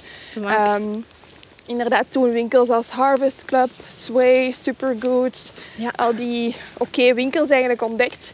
Ehm, maar ik stootte wel op de muur van oké, ik koop hier nu een broek, maar die broek die kost mij geen 40 euro, maar die kost mij ineens 160 euro. Ehm, en onrechtstreeks had ik wel het gevoel van oh, dat duurzaam zijn, dat is wel duur, er zit, letterlijk. al- er zit echt al een woordje in verstopt, wat dat mensen daar heel snel aan linken. Ja. Hè? Zo, het, het woord zegt het ook bijna zelf. Dat is echt jammer. We hadden daar een ander woord voor moeten uitvinden. Ja, dat is inderdaad. Ik besef nu dat ik daar anders naar moet kijken. Maar ehm, ja, het is wel zo. Ik denk voor Ja. veel mensen eh, dat die zoiets hebben van... Oh, ja, maar Ja. deze kan ik niet betalen. Dus hoe, hoe, hoe kijkt jij daarnaar? Ja, dat is eigenlijk, heb je net de meest gestelde vraag eh belicht. dus dat is eigenlijk het, hetgeen waar dat ik het meeste op, op bot de afgelopen drie jaren. Mensen vragen zich af, mensen schrikken eigenlijk van de kostprijs als ze toevallig een, ja, een 100% ehm, eerlijk en of eco-vriendelijk eh, stuk ontdekken. Maar zoals ik daar straks in het begin ook al zei, ehm, wij zijn de bodemprijzen gewend van H&M, Zara, Primark. En dat nemen we tegenwoordig, en we kunnen onszelf dat niet kwalijk nemen, dat nemen we als referentie. Hè, van wat dat wij vinden dat kledij waard is. Ja, Dus ja, kleding is de afgelopen jaren een beetje een wegwerpproduct geworden. Maar we mogen dat niet vergelijken met de, met de prijzen die we kennen van de, van de modeketens. Eh, waarom niet? Omdat de merken die eh, ethisch en duurzaam produceren, natuurlijk steken daar veel middelen in. Hè, om die mensen eerlijk te gaan betalen. Om eh, die boeren op een fatsoenlijke manier te soigneren. Om ehm, ja, geen price battles ehm, tegen elkaar uit te voeren. Dus dat gebeurt bij, bij eerlijke mode niet. En ja, al die dingen, ook het, een, een beter productieproces, al die dingen, it adds up. Hè. Dus dat is gewoon niet mogelijk dat een, dat een duurzaam t-shirt dat je voor 7,5 euro bij een modegigant kan vinden, dat ga je inderdaad niet vinden bij, bij duurzame merken. Maar eh, het goede ding ehm, is wel, ja, we zijn anno 2020 en er bestaan veel merken die het echt al wel ehm, goed willen doen, beter willen doen dan de standaard. En zowel in ehm ja, het duurzame modesegment zijn er ook twee onderverdelingen. En je hebt betaalbare merken ehm, en je hebt ook een luxe segment. ja. Zelf kan ik mij ook niet tot dat luxe segment richten, want ja, dan moet ik mijn adem gaan afhakken. Dat gaat Ja. niet. Ehm, trouwens, ook in, in de fast fashion wereld hè, zijn er Ja, ook, ja. is er ook een luxe segment dat ik ook helemaal niet kan betalen. Ehm, wat dat ook helemaal mijn doel eh, nooit is geweest. En welke merken of welke winkels vallen onder die twee categorieën bijvoorbeeld? Bedoel je dan op, op vlak van duurzaamheid? Ja, een, een duurzaam merk of winkel dat onder het luxe segment valt of eentje die onder het... Ja. Bijvoorbeeld ehm, ja, het, het meer gewonere segment. Dan denk ik eh, aan een label, een Duits label zoals Armed Angels. Dat is ook niet toevallig heel erg vertegenwoordigd in mijn kledingkast. Gewoon omdat ik vind dat is eh, relatief betaalbaar. Ja. op vlak van, van die eerlijke kledij dan en die eerlijke productie. Ehm, anderzijds is er ook ehm, ehm, Goat Organic Apparel. Dat is een Nederlands merk en die maakt eigenlijk uh, basisstuks die ook best wel betaalbaar zijn. Dus Ah, dat ja. valt dan in het meer ehm, ja, oké segment waar ik mezelf ook toe richt. Mhm. Ehm, en dan heb je luxe merken. Maar ik ben nu echt keihard aan het nadenken doorheen, maar ik kan niet direct op een, op een merk eh, komen. Maar ik denk zo Ellen Nits of zo, eh, voor mij persoonlijk is dat ook eerder luxe, omdat die prijzen ook wel redelijk hoog liggen. Voor Ja. mij dan, hè? Nee, nee, nee, dat klopt. Nee, nee, voor mij liggen die prijzen ook hè, absoluut hoog. Hè. Als Ja. je weet, een sjaal 200 euro, een, een, gebreide vest is van 200 tot, tot eh, 300 euro, als ik nog goed kan volgen. Ja, Ehm, en dat is ook niet iets wat ik elk seizoen of elke maand of zo kan aanschaffen. Absoluut Ja, niet. Ehm, ik heb wel stuks van, van haar bijvoorbeeld die al zes jaar oud zijn en die ik vandaag nog altijd draag. Dus dat is dan wel weer eh, de goede kant van het verhaal en dat het heel kwalitatief is. ja. Maar ik denk in het geval van Ellen Kegels, ja, daar komt heel veel handarbeid en mensenuren aan te pas. Mhm. hè. Dus eh, zo'n stuk wordt met de, allee, vaak met de hand gebreid of deels met de hand gebreid. En ja, ik denk dat dat, ja, dat ziet je terug in de prijs natuurlijk. Ja, ja. Hè. Dat is inderdaad wel wat meer, ja, toch misschien wel wat meer luxe segment. Dat is, niet, dat is absoluut geen merk dat iedereen zomaar even kan betalen. Nee, dat klopt. Ja. Ja, dat is een goed voorbeeld. En zo het... Want inderdaad, hè, je moet je, je afvragen... Het is duur, maar het is ook gewoon beter geproduceerd. En dat kost veel geld. Maar anderzijds moeten we ons misschien ook afvragen van... Ja, maar die 7 euro dat we nu betalen voor een t-shirt... Is dat, wel, is dat niet goedkoop? Is dat niet te goedkoop? Ja, dat is, dat is zo wat de balansoefening dat de mensen vandaag, allee, of die daar willen veranderingen brengen, dat de mensen vandaag eh, wel doen. Ehm, ja, het ding is, een, een kledingstuk van 7,5 euro, misschien moeten we er inderdaad eens bij stilstaan van hoe kan dat? Dat een t-shirt van 7,5 euro evenveel kost als een pak verse wafels eh, die ik bij de plaatselijke eh, bakker ga halen. Ja, En dat kost zelfs nog geen 7,5 euro, Eline. ja, ja Dus maar toch... soms, ja. ja. je moet daar gewoon, je moet dat soms in, in perspectief plaatsen en echt nadenken van hoe kan dat? Ja, hoe kan dat? Grote hoeveelheden, price wars, eh, ver van Ja. ons bed in die derde wereldlanden. Dus ja, Die goedkope, merk, of die goedkope prijzen zijn eigenlijk niet normaal. Het zijn Nee. eerder Ja. die iets duur, allee, voor ons dan duurdere dingen, Ja. dat de normale of de gerechtvaardigde. Klopt, maar het zijn wel zijn. die bodemprijzen die de gemiddelde mens als referentie neemt natuurlijk. Mhm. En ik snap dat echt zeker, hè, dat duurzame mode eh, op het eerste zicht, op het tweede zicht, op het derde zicht heel duur lijkt. Maar ik denk dat dat ook een kwestie is van ja, een beetje ontdekken wat er dan concreet achter zit, zodat je dat ook naar waarde kunt schatten. Mhm. Plus de mindset weer. Hè. Als je elke maand tien kledingstuk zult gaan kopen, ja, ik zou dat zelf ook niet kunnen ehm, wat betreft duurzame Ja, kleding. Ehm, dan geef ik liever eh, geld uit aan, eh, ja, aan andere dingen. Dus je moet, allee, Ja. het, is allemaal, het heeft allemaal een beetje te maken met zo in per- perspectief plaatsen en, en ja, beseffen dat eerlijke mode, net, net als andere eerlijke producten en bioproducten, dat heeft gewoon een prijs. Ja. Ja. ja. En die kun je ook gewoon, je koopt er minder van, maar je kunt ze wel langer dragen. Ja, en dat is ook wel echt. Want in het begin, allee, ik ben ook wel iemand die allee, zichzelf kritische vragen durft stellen. En in het begin had ik zoiets van, ja, we zullen wel zien. Hè. Ehm, eerst zien dan geloven natuurlijk. Ik was er wel van overtuigd dat ik nooit meer terug ging willen naar die fast fashion giganten. En ehm, ja, de, de lelijke dingen die daar aan de behind the scenes gebeuren. Maar ja, je wilt natuurlijk wel weten of dat het echt waar is. Hè. Als Ja, je ja. duurdere stuks koopt die allee, op, een, op een mooiere manier zijn, zijn vervaardigd, ehm, dat die effectief langer meegaan. En ik moet zeggen, nu ik echt al drie jaren specifiek ehm, enkel nog voor, voor die merken kies, dat dat wel echt het geval is tot nu toe. En ik hoop dat ik dat binnen vijf jaar of tien jaar nog kan zeggen. Hè. Dat ik nog altijd mijn jas draag die ik, eh, waar ik vorig jaar heb in geïnvesteerd. We moeten binnen vijf jaar nog eens gaan wandelen dan. Ah, wel, we gaan dat doen. Dat is goed. Ah, ja. ja, het is een spanningsveld. Ik, ik zeg het, ik probeer, ik probeer het zelf ook te doen. Maar inderdaad, die, die prijskwaliteit. Plus, ja, ik vind ehm, die trends of zo, of die nieuwe stijlen, ik ben wel graag mee. En ehm, ja, de duurzame merken zijn niet altijd even snel of zo. Of die maken meer tijdloze stukken. Ehm, ja en nee, inderdaad. Dat wordt, over het algemeen wordt dat een beetje geacht. Hè, dat duurzame merken iets eh, meer tijdlozere stuks gaan creëren. Iets meer slow fashion. Hè, dus niet meegaan met de seizoenen. Ja. En langs de ene kant is dat wel waar. Hè, dat klopt. Want die tijdloosheid, dat is ook weer een deeltje van hè, duurzaamheid, bewust consumeren, eh, hè, dat je dat lang kunt dragen. Dus dat gaat niet... Allee, zij gaan niet de, de zotste dingen doen met hun collecties. Maar anderzijds, en daar ben ik de afgelopen jaren ook wel ehm, aangenaam door verrast. Ehm, ja, zelf heb ik een hele sobere stijl en een beetje minimalistisch en, en Ja. best wel vaak dezelfde kleuren. Dus als mensen mijn blog of mijn Instagram ontdekken, ehm, dan gaan ze dat ook achter dat die duurzame merken zo zijn. Mhm. Maar eigenlijk heb je best wel merken die ook kleurrijk en een beetje meer ehm, fashion forward of zo zijn. Ja, ja. Ehm, dus dat is er zeker wel hoor. ja. Eh, maar dat is zelf zo alleen een wereld die ik nog niet echt heb ontdekt. Gewoon omdat ik dat zelf niet per se draag. Zo Mhm. heel ja, modebewuste of, of opvallende stuks. Ik vind, ik vind mijn gading echt wel een eenvoud. ja, ja, oké. Ja. Dus kwestie van een beetje te zoeken dan. Zeg, en qua wandelkledij? Want ik denk outdoor kledij, dat een groot deel van die merken, gelijk naar Patagonia en zo, Ja. eh, het aan zich wel heel goed doen. Maar zijn er nog merken of, of ja, winkels of brands waar dat je voor wandelkledij terecht zou kunnen? Ja, ehm, dat is niet zo de meest gemakkelijke vraag voor mij, want ik denk inderdaad, gelijk je zelf al aangaf, dat Patagonia een hele grote speler is, maar ook een hele goede speler, een bewuste speler. Eh, eh, duurzaamheid is een, is een woord dat we pas een paar jaar geleden dat dat echt opkwam en dat, dat bij mensen een beetje leeft.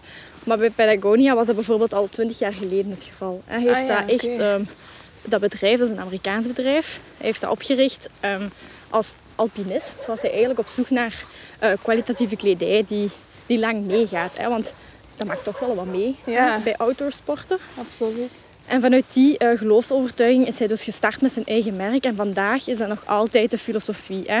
Ervoor zorgen dat die kleding enerzijds hè, eerlijk en oké zijn gemaakt. Maar anderzijds dat dat ook lang meegaat. Dus die gaan misschien niet allemaal ehm, ecologische eh, stoffen gebruiken. Maar die zorgen wel ervoor dat hun merk mega... Allee, dat de, hun kleding mega lang meegaat. Ah ja, Dus wat dat betreft, ja, wou ik ook wel even het licht schijnen op dat merk. Omdat die, ja, die doen ook mooie dingen. Die investeren een deel van hun omzet ook in, in eh, goede doelen. Die dan Ah, ja. ook weer ehm, die problematiek tegengaan. Hè? Eh, milieu-impact enzovoort. Ehm, maar dan heb je ook nog een merk. eh, ik weet echt helemaal niet hoe dat je het moet uitspreken. Dus er mag gerust, gerust gelachen worden. Dat is Vode. Ah ja, ik ken dat. Ken dat? Maar ik denk dat, ik weet niet of het Voude of Vode, maar al sinds V-A-U-D. -E. Exact. Ja. Dankjewel voor de hulp. Nee, zij doen ook, ehm, dus dat is wat meer eh, ja, weer outdoor kledij, wandelkledij gericht. Ah ja, oké. Eh, maar zoals je me vandaag ziet lopen, het is niet dat ik heel specifiek eh, zelf wandelkledij heb. Dus dat was niet zo'n simpele vraag. Ehm, maar jassen bijvoorbeeld, ik draag nu een jas van Langerschen. Ja. Dat is ook wel een, een, een grappig verhaal. Ik zei daar straks van, als je China of Bangladesh op een etiket ziet staan, ik zei bewust van, trek je conclusies, maar ook weer niet veralgemenen. Want eh Langerschen, ik heb er heel lang over nagedacht, over de aankoop van de jas. ook omdat die best wel wat centjes kostte. Maar omdat ik ook wel overtuigd was van het verhaal. Ik heb daar toch wel even over opgezocht. En Langerschen is dus een ehm, Chinees merk van een koppel. Ehm, en zij hebben, ze bestaan ook al wel al een pak langer dan tien jaar. En zij hebben eigenlijk ervoor gezorgd dat ze in China ehm, een, een fabriek hebben die dus volgens eh, een ethische en milieuverantwoorde manier hun kledij vervaardigt. En de jassen die zij produceren zijn eigenlijk ook wel ehm, ja, heel gericht op ja, outdoor mensen, mensen die met de fiets naar hun werk gaan enzovoort. Dus eigenlijk een beetje de combinatie van eh, lifestyle en eh, ja, sport, Ah ja, sport een beetje. Maar niet, allee, het is, je gaat daar geen... ehm, ja, ze hebben ook wel regenjassen en zo, maar eh, dat is niet vergelijkbaar met wat je bij Patagonia bijvoorbeeld Ja. vindt. Het is meer voor zo'n actievere levensstijl Ja. of zo. Ja. Ja, Oké. dus dat vond ik wel een leuke ontdekking. Ook weer omdat dat ja, een vooroordeel weer ontkracht. Hè? Ja. Ik had ook zoiets van China, Bangladesh. En Ja. nooit koop ik daar iets van als dat op mijn etiket staat. Never, never. maar dan moet je ook weer hè, jezelf blijven in vraag stellen. Onderzoek doen. Ehm, ze hebben heel veel info op hun website staan. Dan gaat je naar andere websites, onafhankelijke websites kijken die over dat merk eh, communiceren. Dus ja, om maar een voorbeeld te geven dat ook alles niet... Allee, Ja, ja. dat er veel vooroordelen bestaan ook. Ja. ja. Dat je echt verder moet kijken dan hun dus lang is. Oké, dus Patagonia, Vouden en Langersjen. Ja, maar je hebt echt wel een goede vraag gesteld. Misschien moet ik daar eens iets dieper induiken en uh, kunnen de mensen dat binnenkort wel op mijn blog vinden, want ik vind dat wel ah, een leuke. Dat is iets wat ik echt in die drie jaren nog niet heb getackeld. Ah, Sportkledij wel, hè, yoga enzovoort. Ja. Maar wandelkleding, Nee, goeie. Oké, ja, doen. En dan zal ik dat delen. Hè. Dan kan iedereen... dat is goed, ik op mijn lezen. Zalig. Ja, want dat is ook zo een, hè. Ja, duurzame kleren. Te wandelen nu, uiteindelijk, dat is nu wel... Je, draagt dan niet zo heel veel, je draagt dan niet dagelijks of zo. Dus je kunt daar wel eens ehm, wat meer geld aan geven. Zeker als het over bergkleding of zo gaat. Maar dat zijn ook dingen die allemaal iets duurder zijn, hè. Ja, automatisch. Hè. Dat zie je ook bij, bij Patagonia bijvoorbeeld. Of zelfs bij een AZ Venture. Hè, dat helemaal niet altijd um, eco-merken in zijn aanbod heeft. Dat is ook gewoon over het algemeen duurder. Want die materialen die moeten zodanig bestand zijn tegen alle weersomstandigheden. Ja. Ja, dat er automatisch meer ehm, ja, werk en moeite in gestoken wordt in de productie van die kleding. Ja. Dus ja. Oké, ja, veel, veel weer om bij stil te staan. Een vraag waar ik zelf nog mee zit, ik heb het daar straks al kort even aangehaald, is zo van... Um... ja, het is mooi. Ik denk dat, dat, ik de route straks opnieuw ga doen, want ik ben hem ook vergeten te tracken. ah, serieus? Ja. Oh, nee. Dan ga ik gewoon snel nog een toerke doen. Oh, nee. Um, is van... Ja, dus er is een heel groot deel van de bevolking die nu al bewuster is en die bewuste keuzes maakt. Mhm. Maar zijn wij druppels op een hete plaat in die zin van... Ehm, ja, moet, er, moet er eerder actie worden ondernomen langs de kant van de regering en van de grotere instituten? Ja. Of is wat dat wij doen ook nog wel van belang? Ja, um, ja enerzijds heb je wat dat wij doen, hè, de, de kleine consument. Eh, die bewuste keuzes maakt. Dus ik wil dat zeker niet minimaliseren, want er zijn heel veel mensen die denken van ja, maar wij, kleine vis in de zee, wat kunnen wij betekenen? Mm dat wil ik altijd wel graag benadrukken, dat we wel een verschil kunnen maken. Is dat door uh, te kopen? Is dat door daarover te vertellen tegen familie en vrienden? Dat zijn allemaal zaadjes die jij kan planten als mhm. kleine consument in de zee van... Uh, van, uh, hoe moet je het zeggen, ik weet het niet. dus absoluut Allee, als consument kun je wel een verschil maken. Punt. Ik heb het gezegd. En ik wil dat niet minimaliseren. Maar natuurlijk, hè, je hebt dan ehm, de grotere kant van het verhaal. De modegiganten, de producenten, degenen die ja, het meeste geld daaruit opstrijken. Zij zijn eigenlijk degenen die bij de bron zitten en die echt ja, voor verandering kunnen zorgen. Ofwel is het complete destructie en gaan we voort gelijk we bezig zijn. Mm ofwel zorgen zij ermee voor dat ja, dat er toch wel wat verandert hè, wat betreft de, de kledingindustrie en welke lelijke dingen dat er allemaal in gebeuren. Ja. Ook overheden, dat is nu iets waar dat ik niet specifiek ehm, in mijn online verhalen op focus, maar ja, zij hebben natuurlijk ook wel een deeltje van, van, van dat verhaal in handen. Mhm. En dan denk ik specifiek over bijvoorbeeld milieutaxen of um, dat zij eigenlijk de conversatie aangaan met die grote merken. Want het stopt niet bij de grens. Hè. het stopt niet in België, hè, uiteraard. Ehm, dus dat zijn ja, of projecten hè, in, in uh, die verre landen gaan, gaan ondersteunen of meehelpen ontwikkelen. Daar kunnen zij zeker ook ehm, een verschil maken. Zij zijn degene die, die ervoor kiezen waar dat de focus en waar dat het geld naartoe gaat. Dus mhm. zij hebben wel toch wel een grote macht in handen hè, om mee die goede beslissingen gaan te doen. Um, hoe dat, dat concreet in zijn werk kan gaan. Daar heb ik absoluut geen, geen idee van. Ik weet bijvoorbeeld dat Niki van Kosh uh, bijvoorbeeld wel al uitgenodigd is geweest om, om, om ergens gaan te spreken over uh, ja, de impact van die kledingindustrie. Ik weet dat mhm. Flanders DC daar bijvoorbeeld heel erg mee bezig is ook. Dus ja, het is een beetje, alleen voor mij persoonlijk, want ik spreek hier natuurlijk gewoon puur voor, voor mezelf, is het een beetje tweevoud. Als er van onder, langs onder, via de kant van de consument geen druk komt op wij verwachten dat jullie het beter doen, ja, dan, is dat, dan kan dat ook nooit geen prioriteit worden, denk ik. Dus hoeveel meer dat dat wordt besproken um, van onderaan de ladder, hoeveel meer dat dat toch wel stilaan naar boven kan klimmen, heb ik het gevoel. We moeten eigenlijk van het klein vuurtje een groot kampvuur maken. Hè? Om het zo te blijven aanwakkeren en het op de agenda te zetten. Ja, klopt. En inderdaad gewoon koppig blijven verder gaan en, en ervoor strijden waar dat jij zelf achter staat. Hè. Ik mhm. ga ook niet snel eh, stoppen met de verhalen te vertellen uh, wat ik vandaag doe. Ik moet ook nog zoveel bijleren. Mhm. Er is nog zoveel wat ik niet weet over um, de kledingindustrie en wat dat ik misschien nog meer daarin kan betekenen. Of, of samen met de, de mensen die mijn blog lezen bijvoorbeeld. Dus ja, daar valt echt nog keihard te ontdekken. En, maar ja, inderdaad, wij hebben natuurlijk niet alle touwtjes in handen. Hè? Nee, ja. Absoluut niet. Dus ja, er is zeker verantwoordelijkheid bij eh, enerzijds de, de modegiganten, maar anderzijds ook eh, de overheden. Ja. Ja. Tweeledig.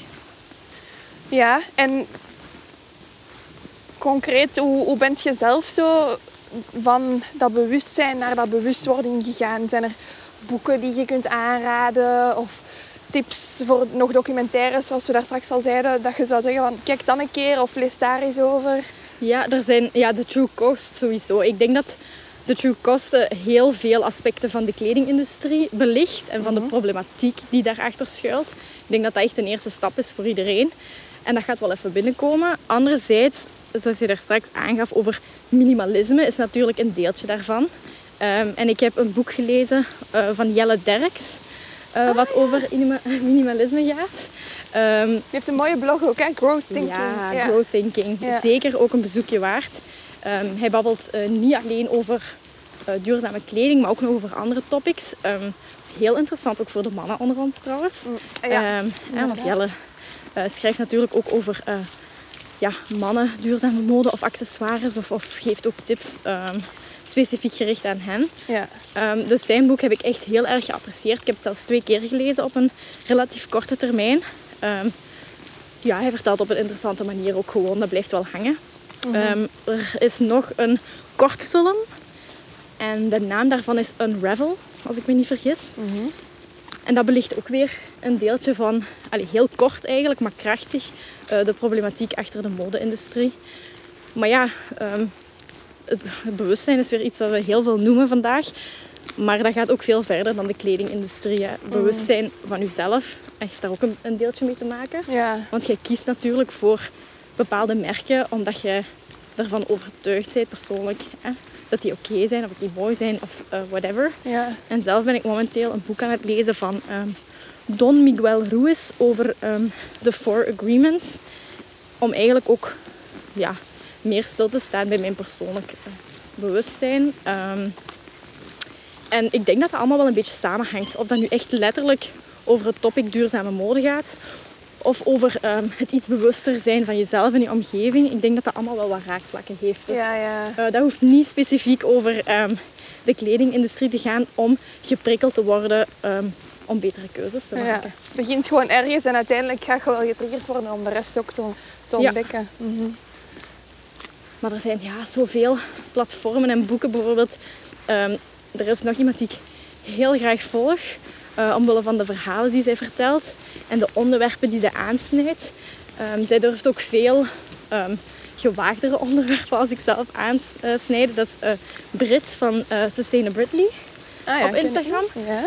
Ehm, en zij, doet, zij heeft eigenlijk een, een, een projectje en dat heet Sustainabubbles, waarbij zij in een video-interview eigenlijk verschillende mensen uit verschillende sectoren ehm, gaat aanspreken over specifieke problematieken. Dat gaat van mode tot ehm, elektrisch rijden of zelfs eh, ehm, een energieleverancier. Ah, ja. En eh, allee, weer, het gaat hier niet specifiek over kleding, maar door u daarvan bewust te zijn op die verschillende vlakken, in die verschillende sectoren, dat helpt daar ook allemaal wel bij.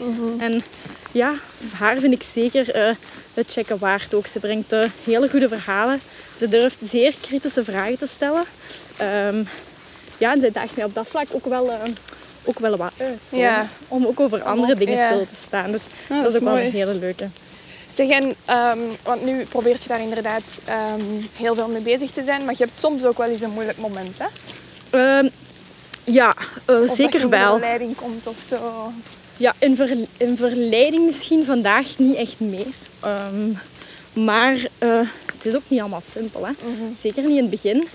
Ik had echt in het begin zoiets van radicale verandering. En na het zien van de true cost, ik dacht...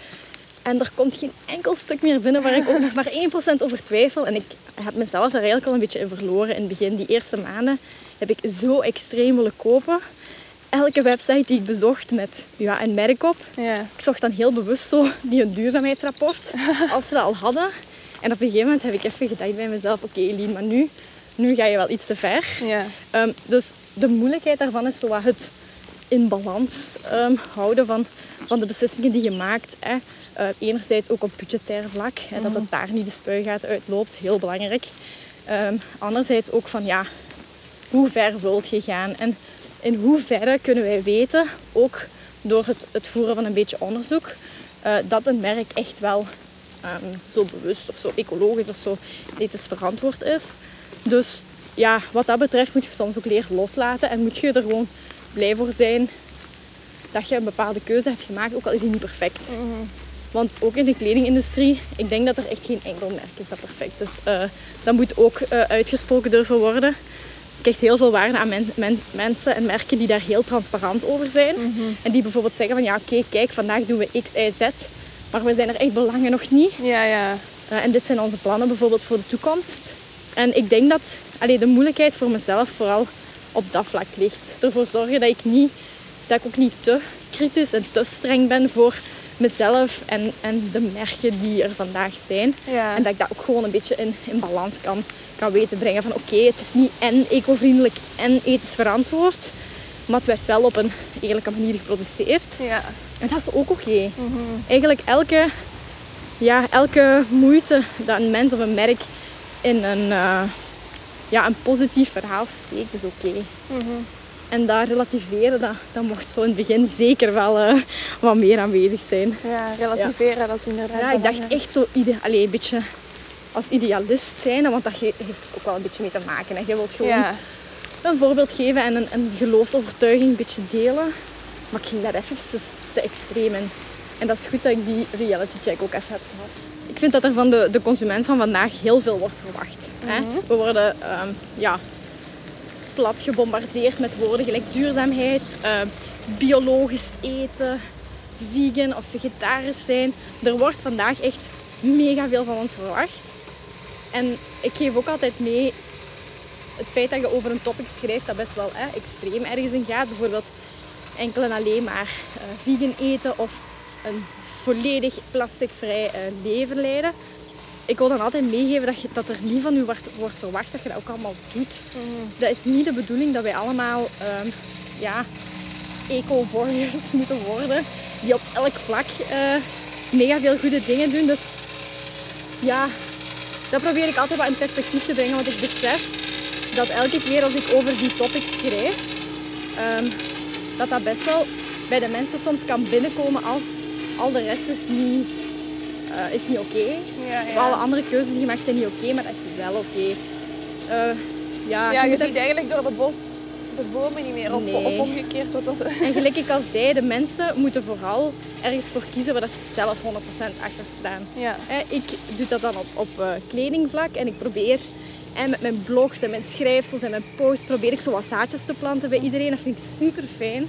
Ik wil echt, dat is mijn regel nummer één, nooit met mijn vinger wijzen. Maar ja, nee, ja, kijk, ik ben ook helemaal verre van perfect en op andere vlakken eh, doe ik het eh, ook niet zo goed.